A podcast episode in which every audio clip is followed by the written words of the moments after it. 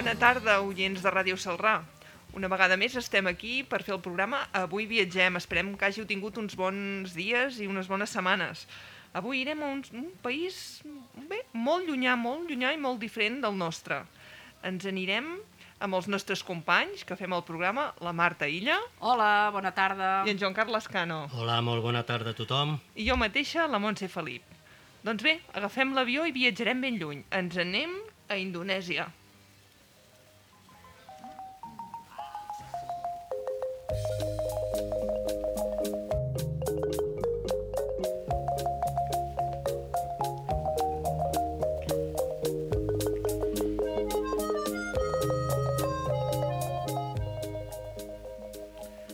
Doncs bé, bona tarda. Indonèsia és el quart país més poblat del planeta i és un país insular, situat al sud-est asiàtic i Oceania.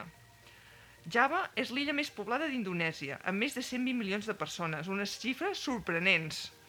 120 milions. Molta 120 gent, eh? milions és molta gent, eh? Indonèsia la formen 17.000 illes, 8.000 deshabitades, Mira. i parlen 300 llengües. Així encara en queda alguna per nosaltres. Ja podem anar-hi. Sí, sí. Sí, sí. Jo que L'idioma... no sabia què fer amb els diners. Caram! Que compri una illa. L'idioma oficial és l'indonesi, però tenen moltíssims dialectes. En els llocs més turístics parlen anglès i fins i tot alguns guies es defensen també en espanyol, o sigui que ja hi podem anar. Ja hi podem Carles. anar, nosaltres que som poliglotes. No hi ha problema. La moneda és la, rup la rúpia d'Indonèsia. I alguns restaurants, eh, centres de busseig i excursions parlen també anglès i tenen unes comissions per pagar amb targeta, o sigui que les rúpies indonèsies i si no, targeta. I podem anar tranquil·lament. En allà, eh, per regla general, tenen caixers automàtics. Tenen una retirada baixa de, de diners, o sigui, les quantitats no són gaire grans, però pots treure eh, diners diverses vegades. A vega hi ha països que no passa això, eh? que només pots treure un cop al dia o una quantitat de diners determinada. Mm. Aquí pots treure vàries i alguns caixers et diuen quina quantitat pots treure, quins bitllets dispensen. Mm. Vale? Que a vegades aquests El països... tipus de bitllets són més alt, més gran, no? El que sí, si són de 50, de... Sí, el que passa que allà 100 són mil, milions a vegades, eh? Vull dir, i, i vas amb un... O sigui, quan tu treus un caixet et donen molts bitllets que a vegades dius, ostres, eh, fa angúnia, perquè nosaltres no, no solem... Sí, sí, nosaltres no solem... Home, no si solem hem d'anar anar- allà a comprar una illa, doncs val més ser Sí, milionari anar, amb anar rúpies. amb una bona cartera, eh? Eh. Després també trobarem el canvi de, de divises en els aeroports i a les grans ciutats, però a no totes. Eh? És més fàcil trobar un caixer automàtic que una oficina de canvi, eh? Mhm. Quin pressupost necessitem per anar? A veure, Joan Carles, si vols anar a comprar alguna cosa, Mm, a veure, és un país barat, eh? Un, un plat, un plat per dinar o així, val entre 2 i 4 euros. ah, El que és car és el vol, però un cop tu estàs allà, allotjaments, per exemple, n'hi ha per tots els gustos.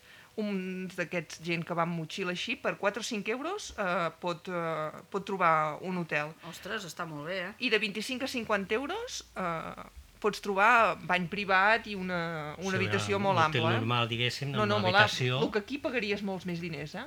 Molt més luxós en allà. És Clar. molt barat l'allotjament. Molt bé, molt bé, molt bé. I en qüestió de transport, els avions interns, els interns són molt barats. El que val és d'aquí cap allà, però un cop tu t'has de moure per les illes allà, és molt, molt barat. Sí. Una mitjana de 50 euros. Ah, està molt bé. I t'has de moure amb avió entre illa i illa? No hi ha vaixells o no hi ha Sí, hi ha de tot, comunicació? però és la Ah. manera més fàcil i Ah. és molt econòmica. Dintre de les illes hi ha autobusos locals que costen poc Mm. i els taxis i motocicletes tenen un preu molt raonable. Ara, a veure, jo pujar amb una, amb una moto amb una altra persona que condueix a tot drap, Mm. sense I regles, tinc- jo tinc em faria por, eh? Sí. Que és, que és un... buf, és un caos, no? És un Circular caos, per sí. allà, tant si Si vas en moto com si vas en cotxe. Si s'assembla a Bangkok, que jo hi he estat, i us ho, dic, us ho puc donar fe, jo cada vegada que pujava una moto, un tuk-tuk o una cosa d'aquestes, pensava, tens la vida a les mans d'aquest. Mm.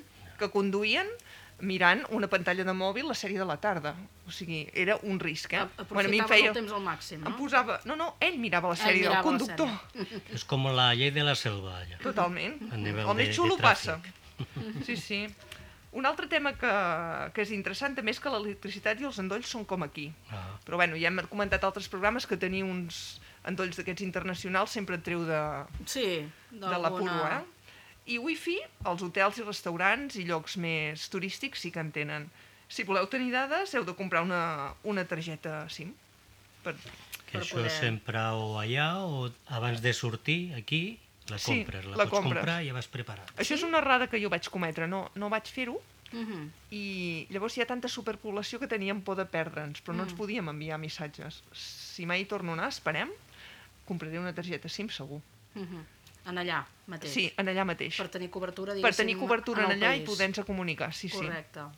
Sí, sí. De prepagament i ja està. I ja està. Sí, Després, quina documentació necessitem per anar a Indonèsia? Si ets espanyol i va, viatges per menys de 30 dies, no requereix cap mena de visat. Ah, no? Pues No, mira. perquè tu vas de turista. D'acord. Si ets espanyol i viatges de 30 a 60 dies, necessites un visat i per obtenir-lo tens dues opcions. Uh, treure el visat de 30 dies i llavors fer els papers allà i extendre el 30 dies més, però has de fer tràmits allà a Indonèsia que no Seria parlen i és més, de feixuc, ref- Sí. o treure'l d'aquí, el visat a l'ambaixada d'Indonèsia a Espanya, vàlid per 60 dies sense pròrroga i és més còmode. Mhm. I si no ets espanyol, depèn del país que vinguis, has de, que hi vagis, has de consultar amb la teva ambaixada. Perquè, a veure, és, és el millor. Mhm. Això quan siguem independents ja ho Sí. consultarem. Ja ho consultarem i ja està. En salut, vacunes, profilaxi, totes aquestes coses. La vacuna no n'hi ha cap que sigui obligatòria, però es recomana la febre tifoidea, que això és important. Tema Covid, no ho sé com ho tenen ara, perquè clar, ara eh, tot, tot canvia. O sigui, jo recomano posar-se en contacte amb les ambaixades i en allà, segons el país, et diuen una cosa o altra. Clar. La... Sí, és que amb això del Amb Covid, això- fins que no s'acabi del tot, Ja, però ara ens tornem a començar a moure i en cada país que viatgem s'ha d'un assabentar de les és- mesures aquí de Covid. mateix estan comentant de que ens ha arribat la, la soca britànica. Ah, la, la Delta Aquí. Plus. La Delta la, Plus. Aquesta diuen. variant de la sonca Sí. britànica. Sí, sí. O sigui veure. que no, no hem de baixar la guàrdia. mm, Bueno, el cert és que cada país té les seves restriccions i les seves normes i abans de viatjar, encara que ho tinguis tot programat, pregunta abans de Eh? sortir de casa I abans de quines tornar, normes han canviat. Perquè... Perquè jo em vaig trobar més dificultats per tornar que per marxar. Correcte. O sigui que tu has de fer papers per entrar aquí. Mhm. Una cosa imprescindible a Indonèsia és el repel·lent de mosquits, que sigui bo, que sigui un repel·lent d'aquests del tròpic, perquè Mm. són grossos, eh? Aigua embotellada per evitar la diarrea del viatger, però Mhm. tot i l'aigua embotellada sempre acabes tinguent unes caguetes, sempre, per molt Doncs que... vinga, Sí. bullit molta por, això. Perquè l'aigua embotellada no és, és diferent de la nostra. de la nostra.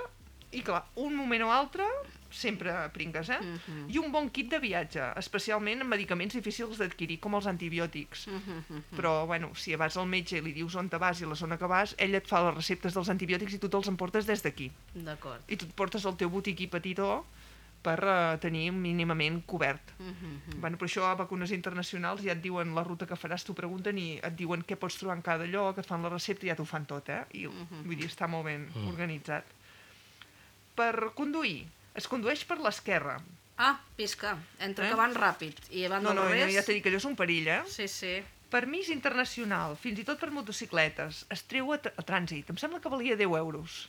Ah, sí? 10 euros, jo me'l vaig treure una vegada, sí. I fan alguna prova especial no, per treure-te'l? no, no, no, no. Mhm. Tu pagues i punto. Ah, és I- pagant, sí, ja sí. està. Si tu Molt tens el teu permís de conduir, tu pagues i te l'emportes. Jo vaig fer per anar al Canadà, D'acord, d'acord. per llogar un cotxe allà.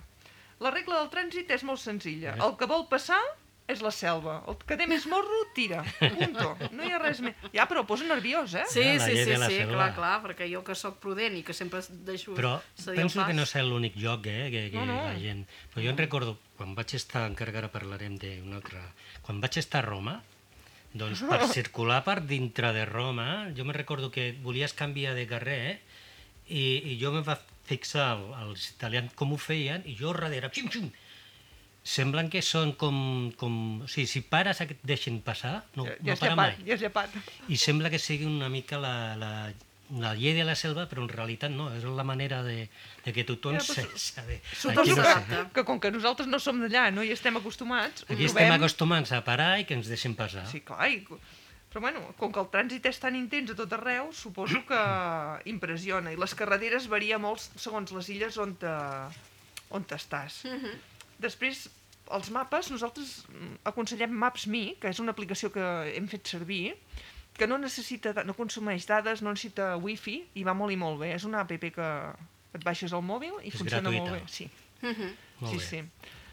per transportar, per anar amunt i avall, el transport, els autobusos locals són furgonetes petites, on a darrere s'omple de gent. Els, tots els que hi càpiguen. És igual, 6, 8, 10, com si van a fora penjats. Ah, o sigui, mira. van El així. sostre. Pues sí, sí, sí. Pots llogar cotxes i motos. I l'avió és la manera més ràpida viatjar en les diferents illes d'Indonèsia. Val? Uh, els tiquets els pots comprar directament amb agències de viatges, a la web de l'aerolínia, a Ticket Indonèsia, a Travel Genio o a Travel 2. I tu vas volant d'una illa a l'altra i vas veient diverses, diverses coses. Molt bé. Després tenim cultures, religions i regles de conducta ben diferents a les nostres. La religió indonèsia és una de les peculiaritats del país. Quan canvies d'illa, canvies de religió. Ah, mira, això és maco. A Java i a Kalimantan, Borneo, són musulmans. A Bali són hindús. Oh. I a Sulawesi, Flores i, Pas i Papua són cristians.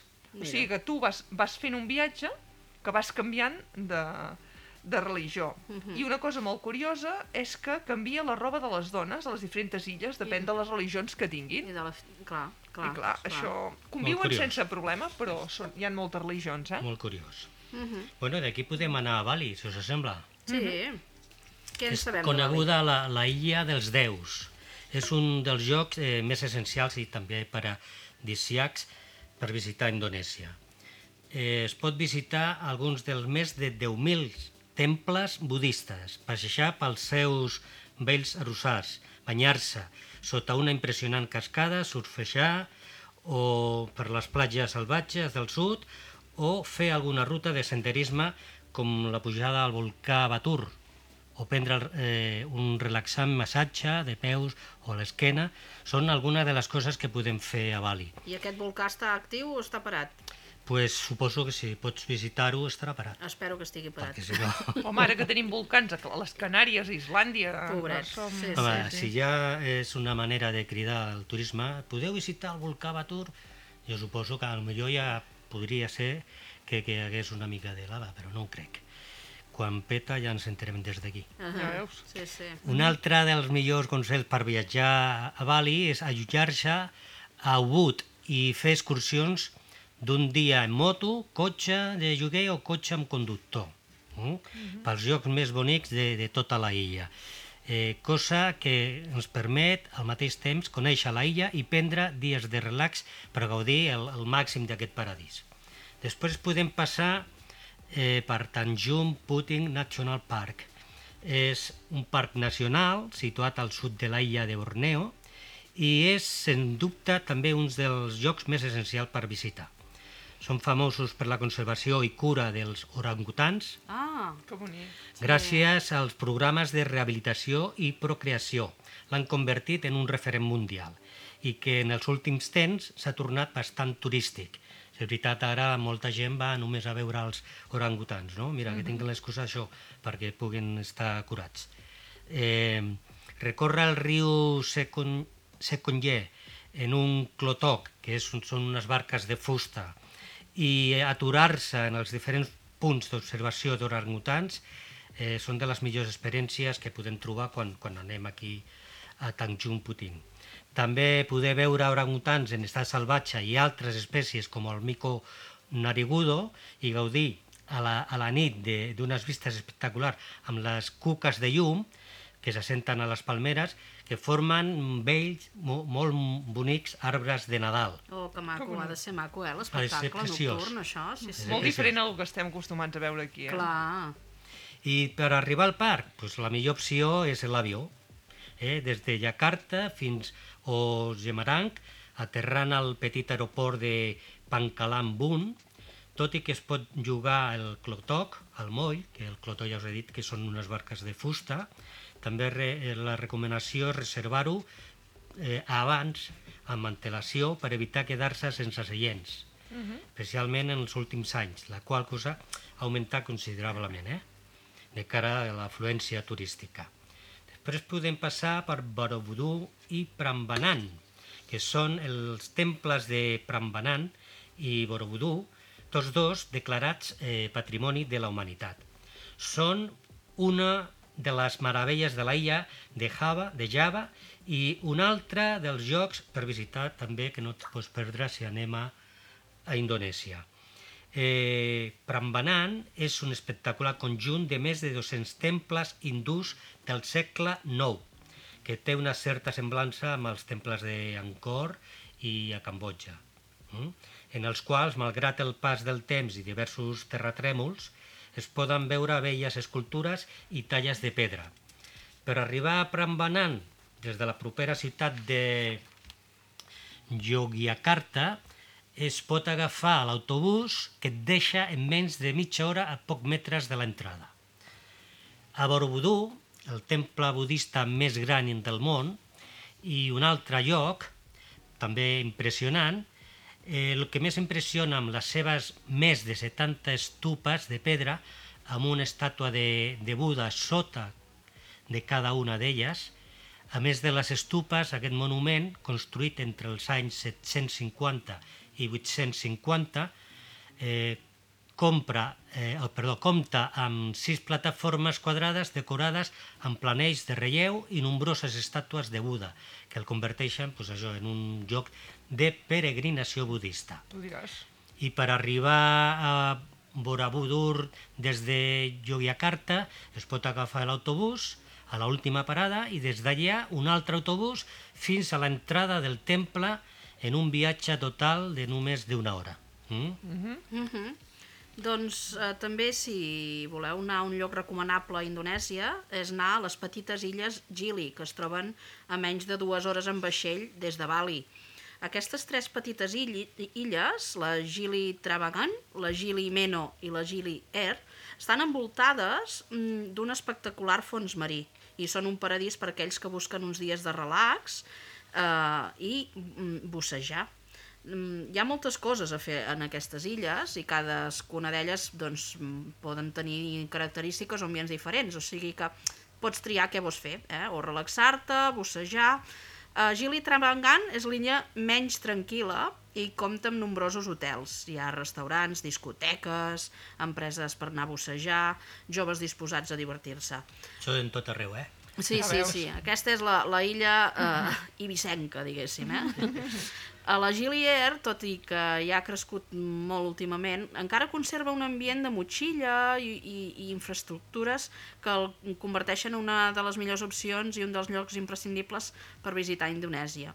I la illa Gilimeno, situada entre Gili Travangan i Gilier, és perfecta per parelles que volen gaudir de la platja i un ambient més relaxat. Eh? Vull dir que teniu tres illes i cadascuna diferents, una mica com Mallorca, Menorca i Formentera. Eh? Uh -huh.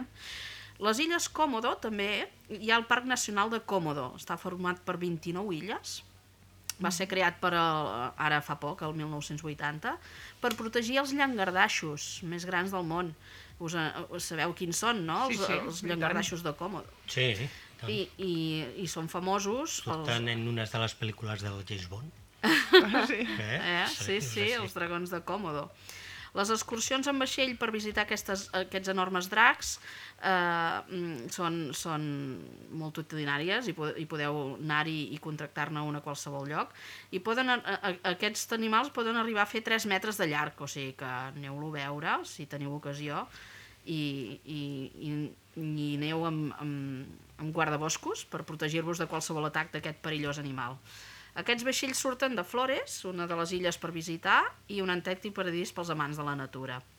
I per arribar a aquestes dues illes podeu agafar un avió eh, a Denpassar, que us portarà poc temps fins a Labuan, eh, i un cop a Labuan després podeu recórrer la illa de Flores i podeu amb una agència local fer alguna Això, excursió de busseig. En, el, en els hotels d'allà, en els hotels, complexos hotelístics i hotels més petits, sempre hi ha moltes agències de viatge, inclús Exacte. a la recepció, mm. on te, tu pots contractar tots aquests serveis, excursions d'un dia, de migdia, de lo que sigui, amb transport, amb tot organitzat, i n'hi ha moltíssims, i t'ofereixen ja en l'hotel mateix, o sigui que no t'has de preocupar de res, només esmorzes, et poses el banyador ja vas a veure-ho tot. Exacte, exacte. és, és molt senzill organitzar el viatge en allà, un cop estàs en allà. una mica allà i, i, sí, sí. i en funció de l'estat del... anímic que tinguis... Bueno, i del temps, perquè a vegades, També. uh, mm -hmm. segons un temps o un altre, dius, volia anar a veure això, però avui plou, irem a fer una altra cosa, i llavors ho canvies, és molt senzill. Ah, exacte, sí, sí. Eh, vull dir que tranquils. És fàcil de, de mm -hmm. Tant si us aixequeu d'humor de veure natura, com si us aixequeu d'humor de descansar i gaudir de la platja, doncs teniu de tot, eh? I tant. També us eh, recomano anar al Parc Marí Bonaquén i Raja Ampat.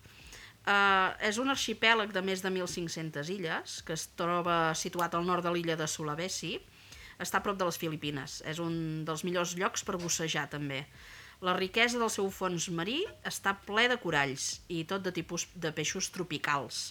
Ja sabeu que els, els peixos tropicals són de multitud de colors i són magnífics de veure, res a veure amb els peixos que ens podem trobar per aquí, que tots, pràcticament tots són, són platejadets i, i para de ja comptar. són colors, a més, molt, molt vius.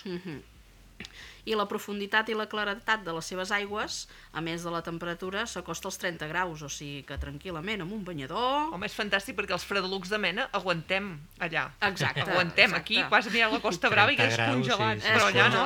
Allà Quasi- res. Ha de cremar quasi bé 30 graus. Mm, Bueno, 30 graus i estàs bé, no? La nostra Home, temperatura. jo estaria... De... Bueno, pots aguantar estona bussejant, Sí. si estàs... mm, Sí, sí.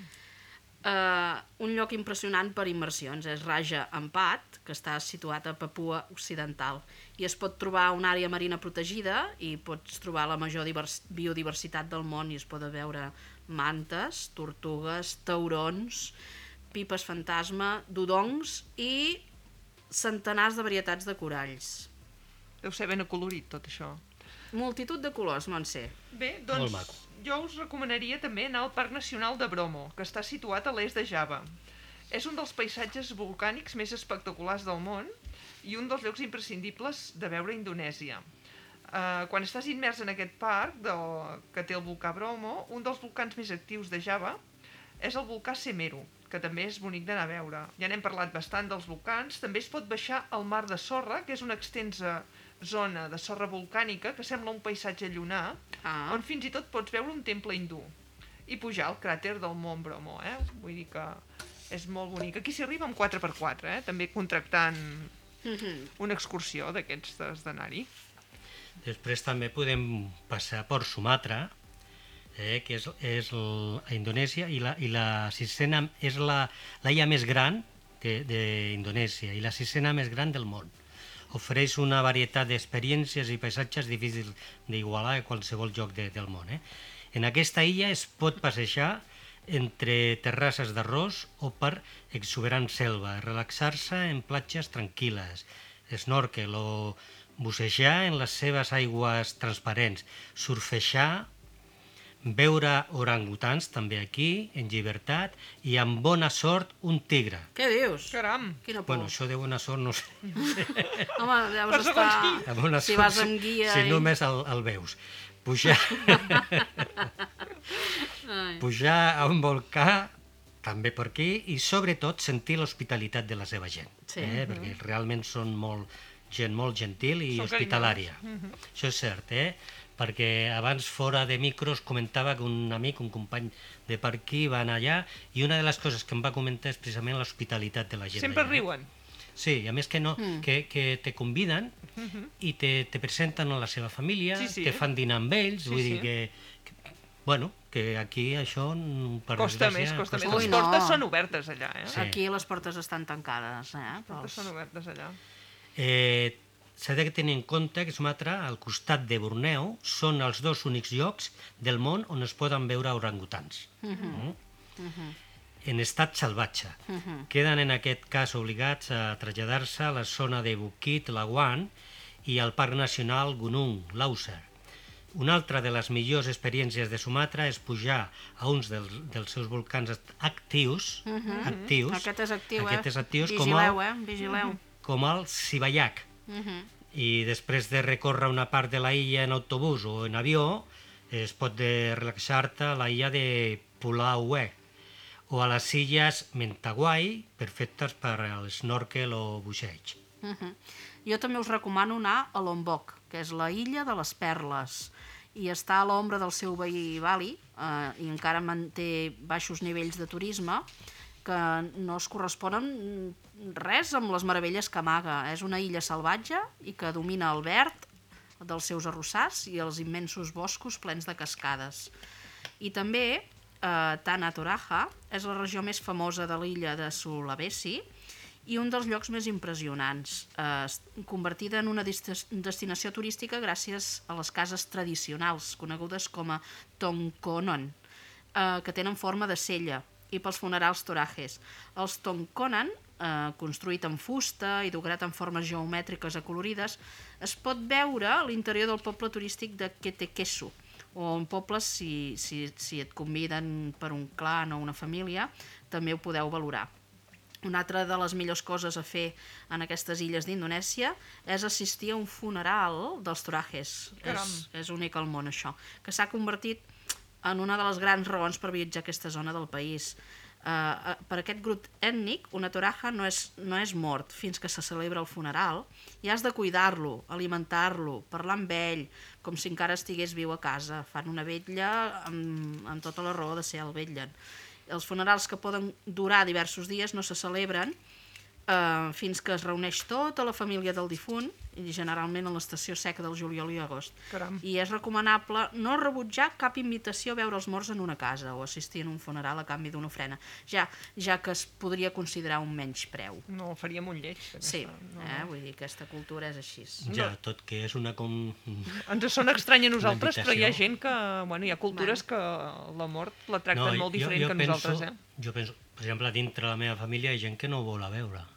Clar. Mhm. No, no, tot és no, jo no vull veure la iaia. Pues s'ha de respectar. Vull dir, Sí. si vas a Bali, sí o sí. A veure la iaia. Bueno, uh, l'has d'acomiadar. L'has d'acomiadar l'has de parlar s'ha- i- S'ha de fer el dol. Uh, Sí, sí. Quin diu a Les Bali tradicions- diu a Tanataroja. Mhm. Sí, sí. Doncs bé, ja ens hem passejat per Indonèsia. També no hem comentat, però evidentment mercats, llocs de menjar, proveu menjars diferents de colors, de fruites boníssimes, mm, i és, això és molt i molt recomanable, passejar i gaudir de la gent que per mi, i crec que per vosaltres també, és, és el més important de, dels llocs on te visitem. I bé, ara farem un canvi radical, perquè ens anem a una ciutat, una ciutat relativament propera. Ens anem a París.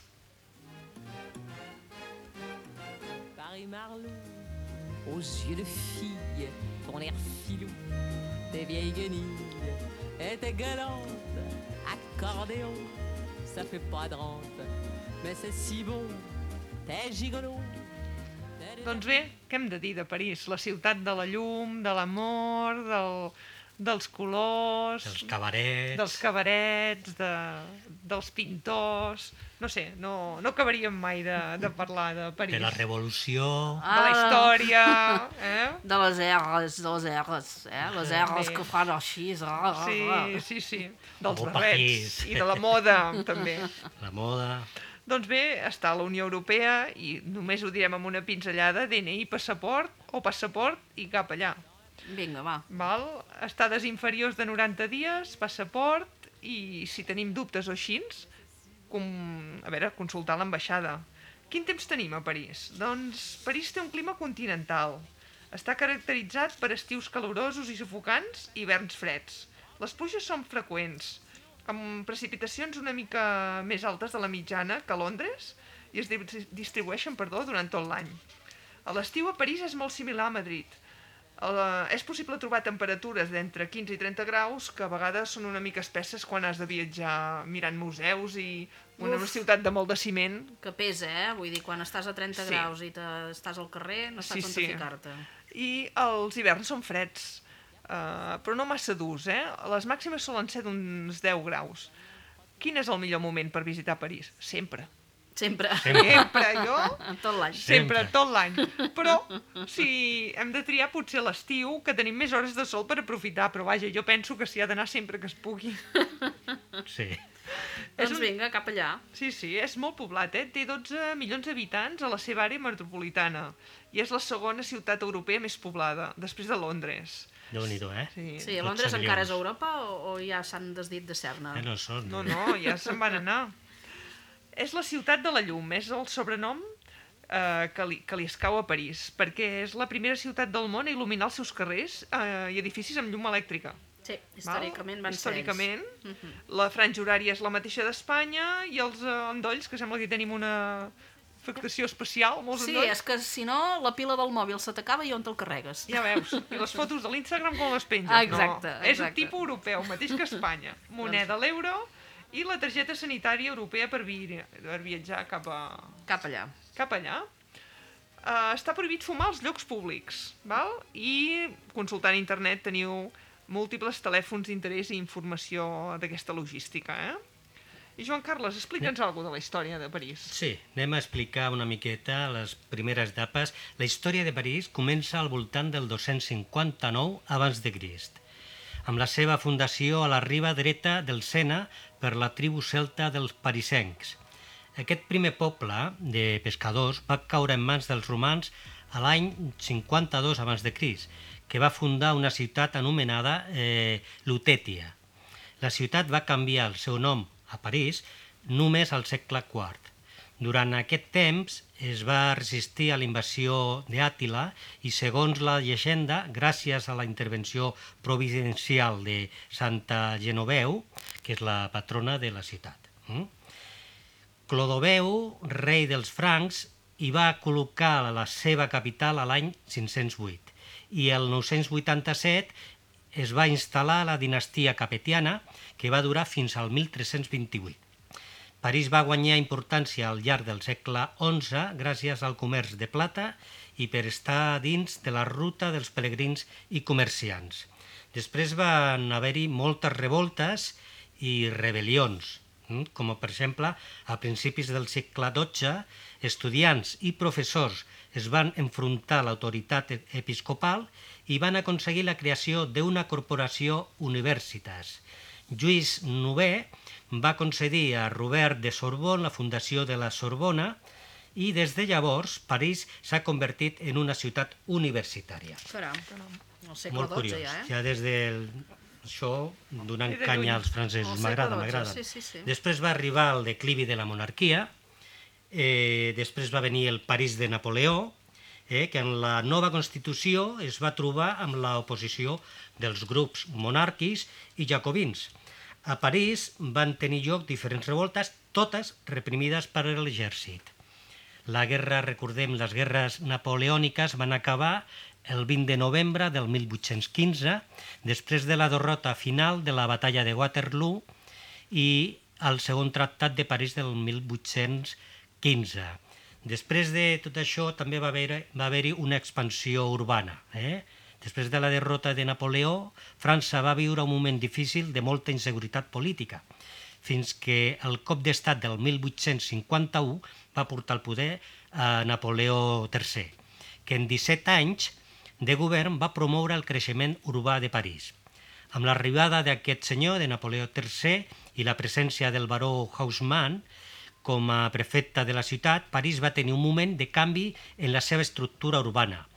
El centre va ser reconstruït, les seves muralles van ser destruïdes i el territori metropolità es va expandir. El 28 de gener del 1871, París va ser conquerida per les tropes prussianes i uns anys més tard, cap a la dècada dels 1800, eh, al finals, es va proclamar la Tercera República. Amb el nou govern va començar un període de creixement econòmic per a París que va promoure la construcció en 1889 de la Torre Eiffel, que avui dia ja sabeu que és coneguda internacionalment. Després, pues, no, fins a arribar a la- l'era contemporània, que a partir del segle XX van començar molts canvis a la ciutat, a la capital. La reconstrucció de diferents zones que es van quedar molt, molt danyades, sobretot per les dues guerres mundials. A la Primera Guerra la ciutat va resistir a nombrosos bombardejos, mentre que al 1940, durant la Segona Guerra Mundial, va ser ocupada pels nazis eh, encara que els parisencs van aconseguir oposar-se i alliberar la capital el 25 d'agost del 1944. El conegut com maig del 68 eh, és conegut per una sèrie de protestes que van tenir lloc a París durant els mesos del maig i juny del 1968. Va ser la revolta estudiantil més gran de la història de França i possiblement de l'Europa occidental. I sabeu, sabeu el motiu del per què va començar aquesta revolta? Per què va començar aquesta revolta? Doncs és molt curiós, perquè aquesta revolta, aleshores estava, havia una segregació sexual. És a dir, a, la, a les universitats eh, no deixaven en les habitacions que haguessin homes i dones, o noies i nois. Les I els estudiants... o, o les aules, vols dir? A les residències, Ah, les les residències. On residències estudiants, no? En les en residències universitàries, vale, les habitacions, o eren de dones o eren de, D'homes. de noies o de nois. I aleshores els estudiants de la, del moment van començar una revolta per aquest motiu. Ah. Però fixeu-vos com va acabar la revolta, no? Amb, eh, guanyant molts drets que aleshores, per exemple, la classe obrera no, No tenia. no tenia opció a, a estudiar. Doncs a partir d'aquí van, van canviar les pròpies estructures de, de l'educació. Bé, doncs eh, també eh, bueno, han, han hagut altres revoltes. L última, per exemple, la que va ser al març del 2006, on els estudiants van sortir al carrer a protestar contra la reforma del mercat laboral. Sí. Eh? No, no, són gent Són revoltosa, gent- reivindicativa Bueno, i ho protesten últimament, tot. allò dels, uh, jo no sé si pronunciaré bé, els Gilet Jaumes, que fa Sí, relativament poc. El, el Gilet Jones. Gilet Jones, sí. sí, grocs. Que, les, que, les armilles, les armilles grogues. grogues, que també va haver-hi molt, Ah. van estar moltes setmanes reivindicant i, i bueno, I encara ara. Bueno. Ara protesten per les restriccions que els imposen pel propi Covid, que Sí. els hi exigeixen el passaport Covid per fer qualsevol activitat i ho protesten, ho protesten tot, i massivament, eh? Vull dir, i fan Bueno, sentades al carrer i el que faci falta. potser Són hauríem d'aprendre alguna cosa. protestons de mena. Sí, Crec sí. Que, que el món en general hauríem d'aprendre dels francesos la Revolució Francesa, però a nivell mundial. Sí, sí. Canviar el sistema, sí, vaja. sí. Si sortir al carrer, perquè aquí ens pugen el preu de la llum i estem sentats al sofà connectats a tot. Sí, o sigui sí, que ja, sí, ja sí, i anar pagant, eh? sí, sí. Doncs va, por, prou protestes, Obrim els llums del Anem carrer. a ballar una miqueta, a ballar una, una mica miqueta. de música, can-can i serrells, que a París també hi ha el cabaret. déu Eh? meu. Tota la llum de les espelmes, els cabarets parisencs van marcar una època al segle XIX. I avui en dia doncs, continuen atraient milers de turistes. Hi ha el Moulin Rouge, el cabaret més famós de París. I cabaret és una paraula francesa que significa taverna i que es va fer popular al segle XIX per designar els restaurants o sales de París que van començar a fer espectacles de música, dansa i molta acció. Eh? La història del cabaret el podem trobar en el districte parisenc de Montmartre, que va ser el Bressol. El primer cabaret famós de la història va ser Le Chat Noir, que és el gat negre, i va ser uh, un dels primers a, a oferir espectacles el 1881. Déu-n'hi-do. Uns anys més tard es va construir el Moulin Rouge, al cor de Montmartre, que és el molí vermell, i aviat es va convertir en el símbol del barri i a través dels seients d'aquest cabaret van passar famosos com pintors i artistes de l'època. El Moulin Rouge és, sens dubte, el cabaret més famós de la història de París. Uh, on veure cabaret a París, si és que voleu anar a veure un espectacle? Doncs podeu anar al cabaret Lido, podeu anar al Paradis Latin o al Moulin Rouge mateix. Eh? París t'ofereix multituds d'espectacles de cabaret. Què veure també de París? Home, la Torre Eiffel. La Torre Home. Eiffel. La Torre Eiffel. És un símbol que va ser construïda per la Exposició Universal de París, el 1889. El volien eh, Enfonsar, mun o sigui, muntar i desmuntar, desmuntar. però no el van desmuntar, gràcies a Déu. Va- Van El- allà- haver-hi moltes queixes en l'època. Sí, sí, sí, sí. És una construcció de ferro de 300 metres d'alçada i un símbol més representatiu de París. Va Però escolta, néixer... una pregunta. Digue-me. A veure, la Torre Eiffel, que és molt bonica, que tothom diu... Vosaltres... Pregunta de la setmana. No, no, no, no. És un... A veure, A veure. la Torre Eiffel, jo penso, és una opinió personal, que guanya molt més de nit. Perquè quan la veus... Quan jo, per exemple, vaig entrar a París, que era de nit, vaig arribar Sí. a París i era tan bonica de nit, i l'endemà em vaig aixecar al matí i vaig veure aquell munt de ferralla. La vaig trobar horrorosa, perquè jo havia entrat de nit i era divina. Però... Doncs això és el que va pensar els parisins de l'època. Doncs pues mira, jo de que sé molt... Però és que has, has fet el procés al revés. Clar, Primer has de veure-la de dia i després de nit. Però jo vaig arribar del vespre, vaig arribar al vespre i vaig trobar-la tan preciosa que l'endemà vaig pensar, però quina birria, Però per és que la van, la van construir sense llum al principi, Montse. No hi havia llum, és No, ara ja que la sé, il·luminen i que pel centenari van fer un espectacle de llums i la van il·luminar i feien joc de llums i de tot. Tot el llum, que vulgueu, tot el que però jo, vulguis. la Torre Eiffel... Però en un nit. inici només hi havia ferralla. Només hi havia ferralla. Eh, El va dissenyar el Gustave Eiffel. I eh, aquí, a Girona, tenim l'honor també de tenir Ah, sí, el. Pont Eiffel. El Pont Eiffel que està a Girona. Hasta vaig trobar més bonic, mira què et dic. I hi ha eh, més d'un, eh, més d'una construcció Eiffel. A veure si em sabeu dir on estan, de Girona. El Pont Eiffel és el, El vermell, N'hi no? ha El un, vermell. però n'hi ha un altre. Ah, no? N'hi ha un altre, busqueu-lo per Girona, Mira, la pregunta del programa. I la pregunta del programa, a veure si Vinga, ens sabeu dir. s'envieu un correu a, us dic ja mateix, Va, digue'ns on s'ha d'enviar el correu i aviam qui s'emportarà el primer punt. Radio arroba celrap.cat. Molt bé, vinga, pregunta del programa. On és el segon pont de l'Eiffel, del senyor Eiffel, que està aquí a Girona també. Eh? I, i doncs la, la, les, es van plantejar de- demolir-ne no una vegada, no, en, en diferents ocasions. Tu diràs, devia ser motiu de controvèrsia Però, i debat. guaita, després hi van trobar la seva utilitat com a antena de radiodifusió i pim-pam. Eh? Llavors ja, amb l'arribada de les guerres, ja va ser útil al 100% aquella torre. I actualment, i gràcies a l'ascens de París com a destinació turística internacional, eh, la Torre Eiffel és el monument més visitat del món, amb més de 7 milions de visitants anuals. Pugeu a la Torre Eiffel I tant. i disfruteu de la pujada per escales, de la baixada amb ascensor, no, va, fem No, molt al revés, al revés, Pugeu amb ascensor, baixeu per les escales i disfruteu de, de les vistes. de les vistes. Doncs bé, una de les coses que podeu veure i visitar, que és fantàstica, és el Museu del Louvre. El Museu del Louvre és un dels més importants de França i més visitats del món i rep més de 8 milions de visitants cada any. Forma part de... format a partir de les col·leccions de la monarquia francesa i el saqueig dut a terme durant l'imperi napoleònic. El Museu del Louvre va obrir les seves portes el 1793, mostrant un nou model, model de museu i va passar eh, de les mans de les classes dominants al gaudi del públic en general. L'arquitectura de l'edifici és espectacular. El Museu del Louvre es troba al Palau del Louvre, una fortalesa del segle XII que va ser ampliada i renovada en diverses ocasions. Val? Ha acumulat diverses eh, col·leccions artístiques. Després del trasllat de la residència reial al Palau de Versalles, l'impressionant edifici de 160.000 metres quadrats iniciaria el seu procés de transformació en, en el museu més important del món. Tela, 160.000 metres quadrats. Sí, és molt gran, eh? I el 1989 es va, convert... es va construir perdó, una piràmide de vidre, trencant la monotomia dels grans blocs grisos del museu, que actualment serveix com a porta d'accés, eh? Vull dir Sí. que és la típica foto aquella de la, Sí. de la piràmide, I eh? a que hi ha les que, escales. que dona un, una llum, no? Sí, També. sí.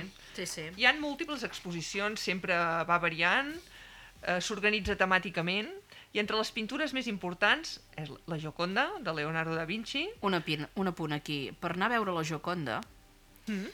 hi ha una hora, no faig broma, eh? Una hora de cua per anar-la a veure. mare meva. I Bueno, no és gaire gran, eh? I exactament, per veure-la, tens un milisegon. Un Perquè milisegon. ac acte seguit d'estar en el lloc on te deixen veure-la, hi han com 10 guardes, sapats, armaris, Armari mirall. armari mirall, que no només t'impedeixen estar-te quiet mirant l'obra, sinó que t'empenyen cap a la sortida, no fos cas que t'hi estiguessis més milisegons del compte.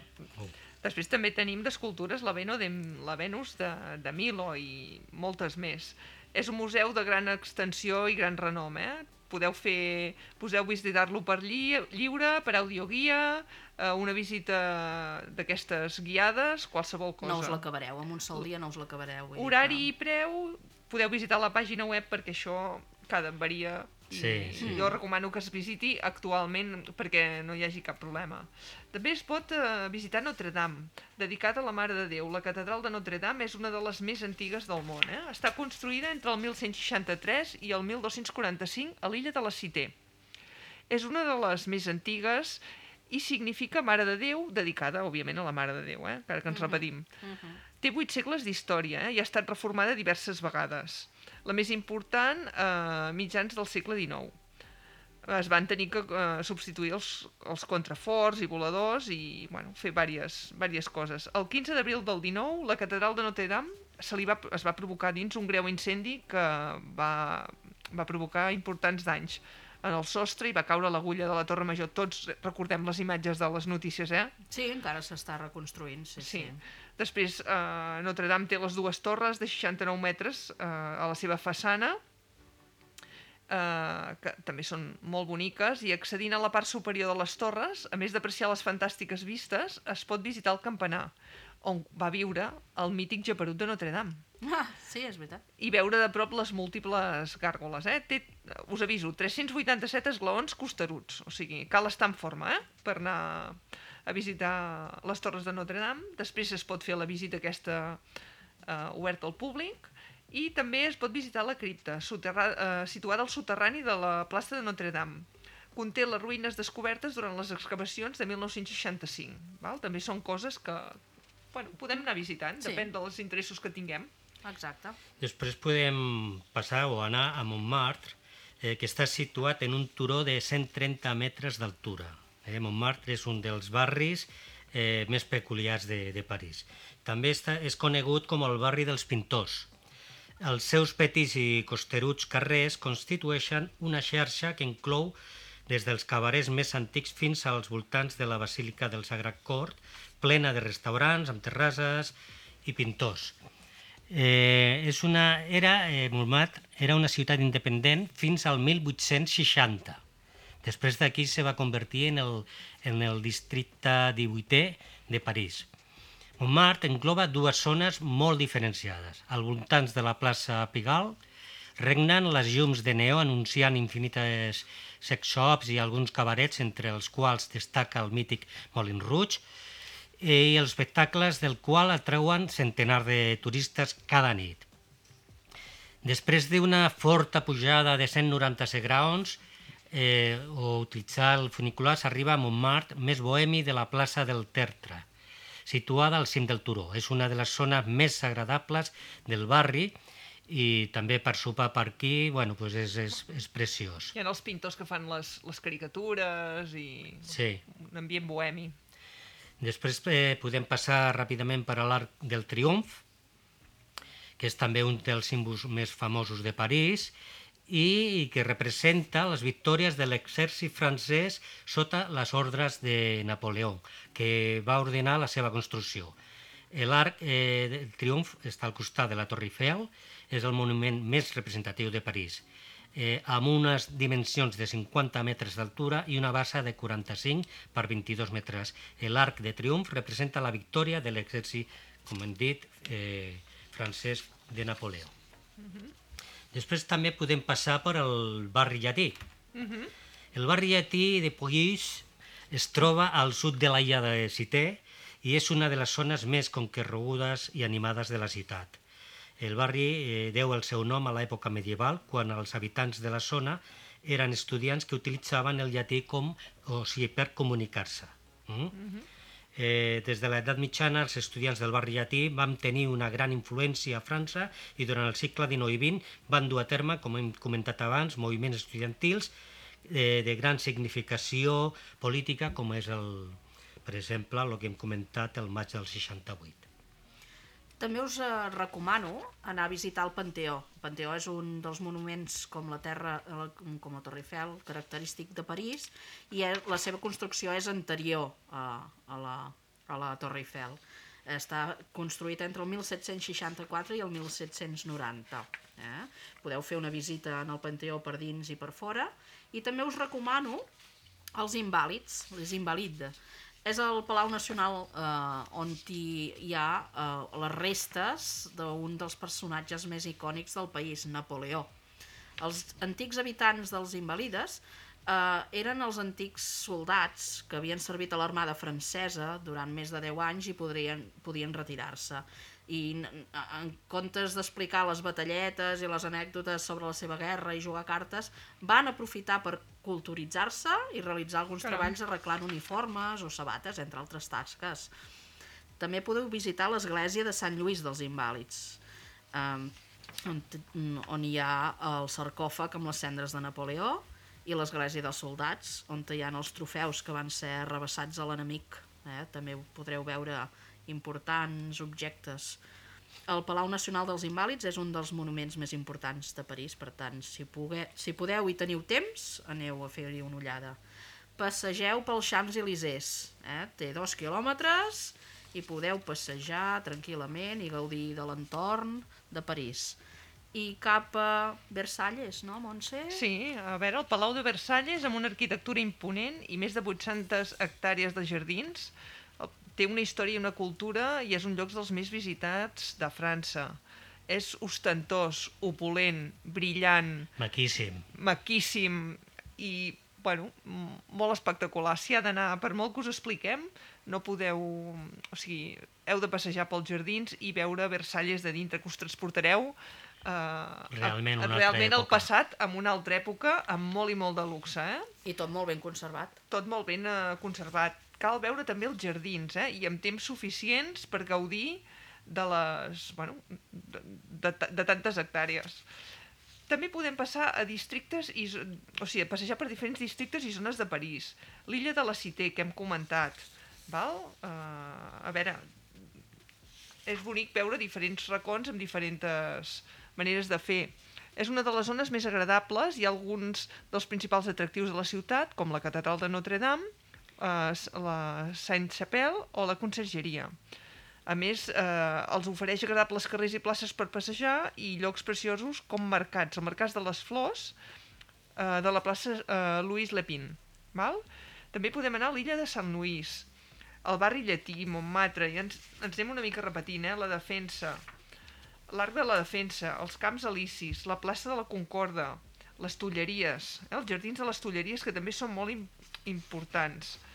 Val? I uh, després, què més podem veure, Joan Carles? Bueno, podem passar per situat al, en el cor històric de París, en el districte de la mm, Moraes, el Pantà, que es, di- va ser una zona pantanosa abans de transformar-se a un dels districtes més cosmopolites i de moda de París. Mm? També podem anar després a la, a la plaça Vendôme, la plaça Vendôme, construïda seguint els patrons de l'urbanisme clàssic francès, francès, és una de les places més, més famoses. Eh? De- Està envoltada gairebé integrant edificis imponents i sobris a la plaça Vendôme i hi ha diverses botigues de prestigi, com són, per exemple, Dior, Chanel o Cartier. Jo penso que aquí el preu no és pas igual que a Indonèsia. Eh? No, no, no, no. no. No, no, no, no. això és una altra història. Eh? Sí, sí, és un altre nivell. I després Prepara podem, la cartera. podem, no sé, passar per alguns museus. Sí, n'hi ha moltíssims. Fer una selecció. Hi ha el Museu d'Orsay, dedicat a l'art del segle XIX. El Centre Pompidou, que és un museu que hi ha les col·leccions d'art modern. El Louvre, que no us l'acabareu, ja n'hem No. parlat. El Ke Brownlee, que és, hi ha mm, col·lecció d'art ètnic africà, Àsia, Americà, Oceania. El Museu Rodin, que hi ha eh, obres de l'artista Rococó, de l'Hotel Byron i els seus jardins. El Museu Guimet, Museu Cluny... El. Caram. Hi ha altres museus, el Museu de l'Exèrcit, el d'Art Modern, el Petit Palais, el Museu munt, Picasso... Hi ha fins i tot un, un espai Dalí, no us l'acabareu. No us També l'acabareu. el Museu del Cinema. dir, cultura n'hi ha eh, Moltíssima. molts i molts i molts. I què dir dels seus parcs i jardins? No ens repartirem més, perquè n'hi han moltíssims. Les tulleries, jardins de planta, el cap, camps de mar... A veure, n'hi ha moltíssim. I, si encara teniu temps, sempre podeu passar per Disney. eh, el parc temàtic. Si aneu amb canalla, segur. Canvi de Segur, registre. segur. Part de Disney. Parc de Disney. Ha sigut un canvi així una mica brusc, però ho havíem de, ho havíem de passar-hi havíem per de dir, sobre, ho eh? havíem de dir, sí, sí. Doncs bé, fins aquí la nostra visita de París i ha sigut molt espectacular i segur que ens hem deixat moltíssimes coses. És que hi aniríem cada dia. La cuina francesa. La cuina. I els francesos en si, que I els també francesos, són... que són protestants. Que són eh? Són protestants. protestants. En fi, ara, en breus moments, us presentarem la notícia.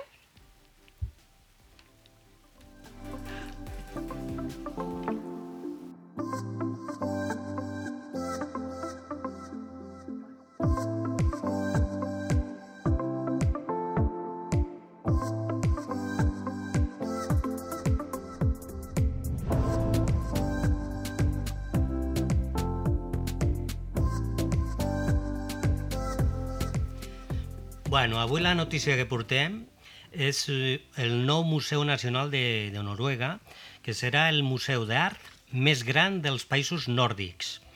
El Museu Nacional, que s'inaugurarà a Oslo l'11 de juny del, mil, del 2022, albergarà les col·leccions de l'antiga Galeria Nacional, el Museu d'Art Contemporani i el Museu Noruec d'Arts Decoratives i Disseny sota un mateix os- sostre. Eh, però no serà només un sostre, sinó un dissenyat per Klein Nues, més Schubert Gleichelchaft, perdoneu, però són noms difícils per mi. Ens hem anat a ficar amb un Bon, Amb un jardinet. bon arquitecten, arquitectes, arquitectes que han preferit apostar per la longevitat de l'edifici en detriment del sensacionalisme arquitectònic. El perfecte equilibri amb l'entorn i els monuments existents a la zona, com l'Ajuntament d'Oslo i la fortalesa de Akershus, el museu que ocupa una antiga drassana forma part d'una iniciativa global destinada a renovar el front marítim d'Oslo. La intenció del disseny del nou edifici és renovar l'interès per les arts visuals a Noruega, convertint el Museu Nacional en un centre d'art i cultura més gran dels països nòrdics. Sí, hi haurà unes 5.000 obres d'art, des de l'antiguitat fins a adquisicions contemporànies més recents. Els arquitectes han dissenyat un espai espectacular per a exposicions temporals. Hi haurà un hall situat a la teulada que s'estrenarà amb, amb un estudi sobre el nou art contemporani noruec. La institució eh, acull al voltant de 400.000 objectes que van des de tapissos mitjavals eh, fins a, a disseny modern i obres d'art contemporani. Hi haurà sales de, de, de Munch, incloent el crit, um, vestits reials que porten les reines de Noruega, hi haurà artistes destacats en les primeres exposicions, com són Harriet Backer, Theodor Kittelsen, Gustav Vigeland, Hannah Riggen, Lucas Cranach, en Monet, Vincent van Gogh, està dissenyat amb la perspectiva d'albergar obre, obres d'art de, de durant segles. El Museu Nacional d'Oslo està construït amb materials nets, robustos i nobles que envelliran amb dignitat. Volen fer un edifici dissenyat per reduir emissions i gasos d'efecte hivernacle. Déu-n'hi-do. I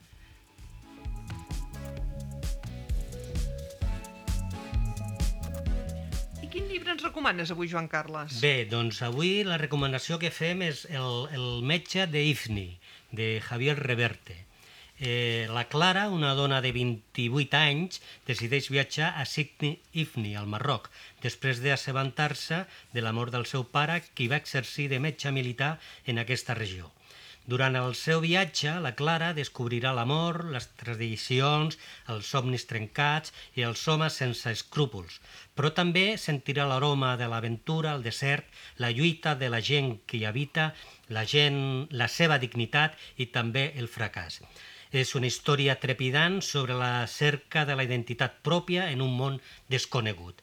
És la nostra recomanació d'aquest programa. Déu-n'hi-do. Doncs bé, fins aquí els nostres viatges d'avui, els nostres passejos per Indonèsia i per París, que espero que us hagin agradat molt, juntament amb els meus companys, la Marta M'he passat una tarda viatgera, viatgera. i després en Joan Carles. Fins al proper programa. I després us volem tornar a refer la pregunta. La pregunta del programa. A veure, Marta, Sí, a veure, hi ha un pont que sabem que està construït per el senyor Eiffel, a Girona. Però n'hi ha un segon pont. On està situat? El primer pont sabem que està entre la Rambla. Eh? Vull dir que s'accedeix des de la Rambla fins al carrer Santa Clara. ja és de color vermell. I és de color vermell, eh? característic. On és l'altre pont? Bé, aquesta és la, la resposta que hem de donar a radio.salrà.cat. Ah, exacte. Després dir-vos que al proper programa viatjarem a Alaska i a Roma.